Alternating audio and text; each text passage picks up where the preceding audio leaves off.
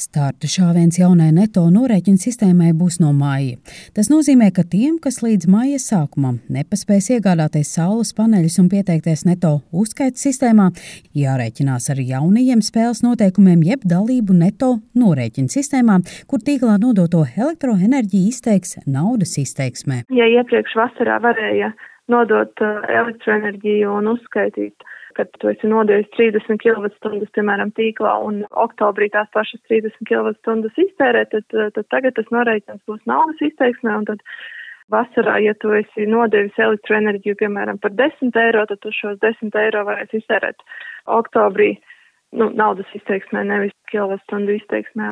Rīgas Tehniskās Universitātes dabas zinātņu un tehnoloģiju fakultātes vidas aizsardzības un siltuma sistēmu institūta vadošā pētniece Ieva Pakara skaidro, kādēļ norēķinu sistēmā bija nepieciešams izmaiņas. Kāpēc tas tā ir ieviests, jo droši vien arī operators un, un vispār kopējā sistēmā ir redzams, ka uh, vasarā šī elektroenerģija, tad, kad spīd saule, tad bieži vien viņa ir lētāka nekā, piemēram, decembrī, kad ir mīnus 20 grādi, un tad attiecīgi pārvades operators vai, vai kopējais tirgus tad būtībā kompensē šīs cenu svārstības, un tādēļ šīs izmaiņas ir, ir nepieciešamas, lai šo tirgu kaut kādā veidā regulētu.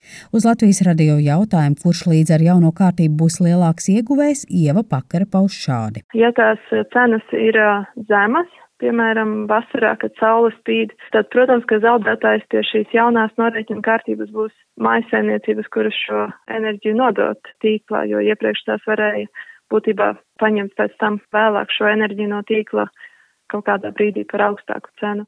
RTU pētniece gan piebilst, ka elektrības cenas mainās un jaunā kārtība paredz, ka šo cenu, par kādu enerģijas tirgotājs iepirks elektroenerģijas pārpalikums no maisaimniecībām vai citiem aktīviem enerģijas ražotājiem, būs tirgotāja piedāvātā cena. Un uz to es īsti nevaru komentēt, kāda tad tā būs. Vai tā būs biržas cena, vai tā būs kaut kāda fiksēta cena. Tas būs jāskatās, kā šie tirgotāji, cik daudz viņi būs gatavi maksāt par šo iepirktu elektroenerģiju. RTU pētniece Ieva Pakare uzsver, ka saules enerģiju mājsaimniecībās gan tagad, gan līdz ar jauno norēķinu sistēmu izdevīgāk ir maksimāli patērēt uz vietas. Pīt saules slēdzam iekšā eh, veļas mašīnu, trauku mazgājumu mašīnu, lādējam elektroauto, tātad maksimāli patērējam uz vietas maisaimniecībā. Varam pārdot kaimiņam. RTU pētniece dalās arī ar pētījumu rezultātiem, cik daudz vidēji maisaimniecības saražoto saules enerģiju patērē uz vietas un cik daudz nodot tīklā. Tīklā nodotā daļa svārstās pat 60% no visa saražotā daudzuma, un tas noteikti nav šis mikroģenerācijas mērķis. Mērķis ir eh, patērēt pēc iespējas vairāk uz vietas, un ja mēs ļoti daudz nododam tīklā, nu, tad jā, mēs darbojamies kā mazi elektroenerģijas ražotāji, un tur jau ir citi spēles noteikumi nekā maziem mikroražotājiem, kas patērē uz vietas. Tieši šo aspektu godīgus spēles noteikumus attiecībā pret citiem elektrības ražotājiem uzsver arī klimata un enerģētikas ministrijā, kuras paspārnē tapa pirms mēneša saimā pieņemtie grozījumi elektroenerģijas tirgus likumā. Ministrija ministrijas pārstāvis enerģijas tirgus departamenta direktors Gunārs Valdmanis skaidro politikas veidotāju lēmumu mainīt esošo kārtību. Atteikties no šīs vēsturiskās neto uzskaitas sistēmas, tātad ieviešot arī pietiekami ilgu pārejas periodu, lai virzītu šos tirgus dalībniekus, kas arī viņi faktiski ir jau iepratīm tādam, nu, kā saka, ekonomiski pamatotākai sistēmai, proti, tur, kur arī, varētu teikt, pats investīcija veicējs uzņemas lielāku atbildību par savām investīcijām, tātad attiecīgi reaģē uz mhm. tirgus eh, svārstībām. Mhm. Valdmanis akcentē, ka neto norēķina sistēmas mērķis ir veicināt elektroenerģijas lietotājus rīkoties saskaņā ar labu energopārvaldības praksi. Arī viņš, līdzīgi kā RTU pētniece, mudina elektroenerģiju patērēt tad, kad to saražo. Jo tas ir ekonomiski pamatotākais veids, kā šīs iekārtas var eksploatēt.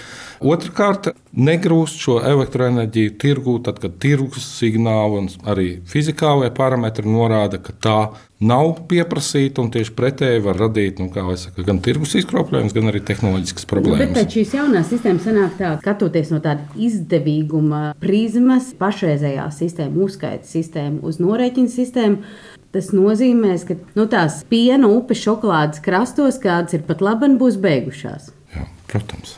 Vai paredzat, ka būs tāds strauji pieprasījums pēc saules paneļiem un tā vēlme ielikt šajā pēdējā vilcienā, vēl aizējošajā?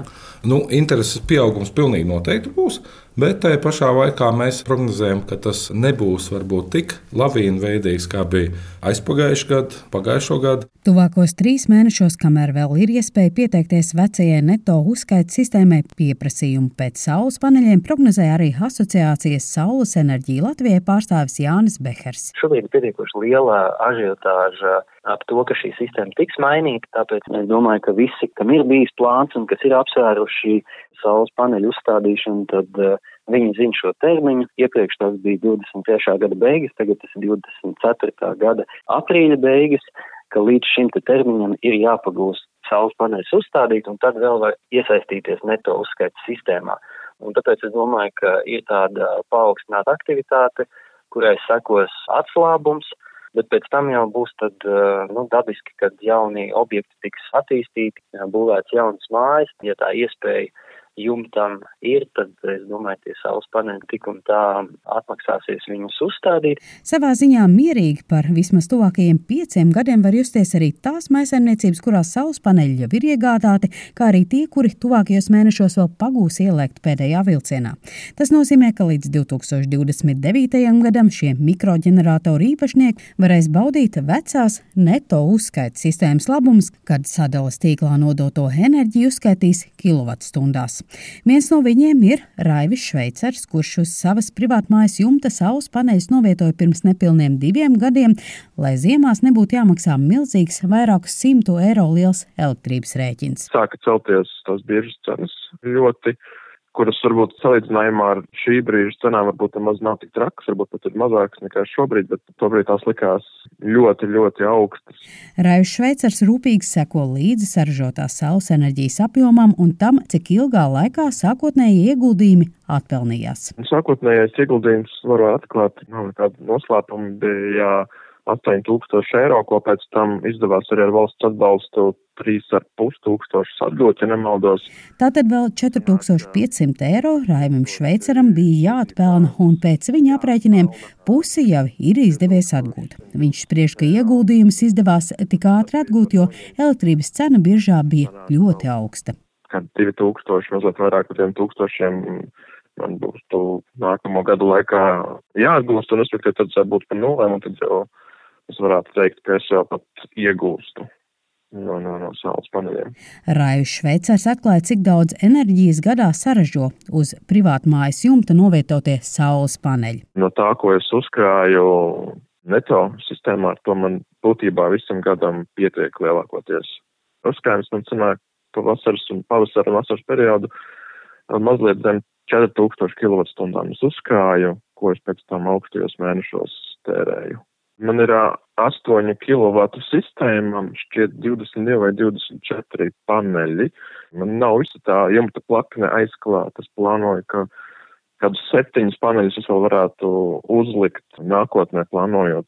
Agrāk vai vēlāk, bet būs elektroauto, kam vajadzēs vēl saražot to elektrību. Savukārt runājot par jauno Neto norēķina sistēma Raivs Šveicers ir skeptisks, sakot, ka tā vairs nebūs izdevīga mājsaimniecībām. Ja nevar paspēt uzlikt vēl līdz aprīļa beigām, kad pagarināja to periodu, kad var pieteikties vēl neto uzkrājumiem, man šķiet, ka īsti nav jēgas tad vairs likt paneļus, lai ieietu norēķinu sistēmā, jo man šķiet, ka investīcijas būs pārāk lielas, tas atmaksāšanās periods ar norēķinu sistēmu būs ļoti, ļoti garš un tas vienkārši neatmaksāsies. Man šķiet, ka īpaši izdevīgi tas nebūs. Un, un, un jāpaspēj ir jāmēģina jāatcerē visiem, kas šobrīd vēl pēdējā vilcienā ielica, ka viņi pat tiem četriem, pieciem gadiem spēs atgūt investīcijas.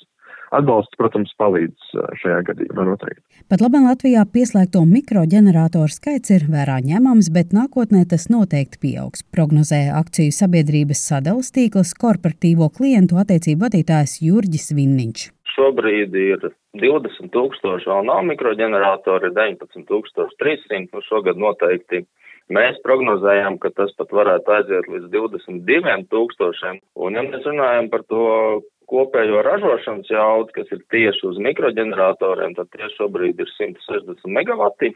Vidēji apmēram šobrīd viena tā mikroģeneratora jauda ir apmēram ir tie 8 kW. Un 95% no šiem mikroģeneratoriem pat labi ir mājsaimniecībā. Jurģis Vinniņš prognozē, ka tuvākajā laikā šī proporcija mainīsies, jo samērā daudz uzņēmumu investē saules paneļu iegādē, kā arī tirgu viens pēc otra sevi piesaka industriālie saules enerģijas parki. Linda Zalāne, Latvijas radio.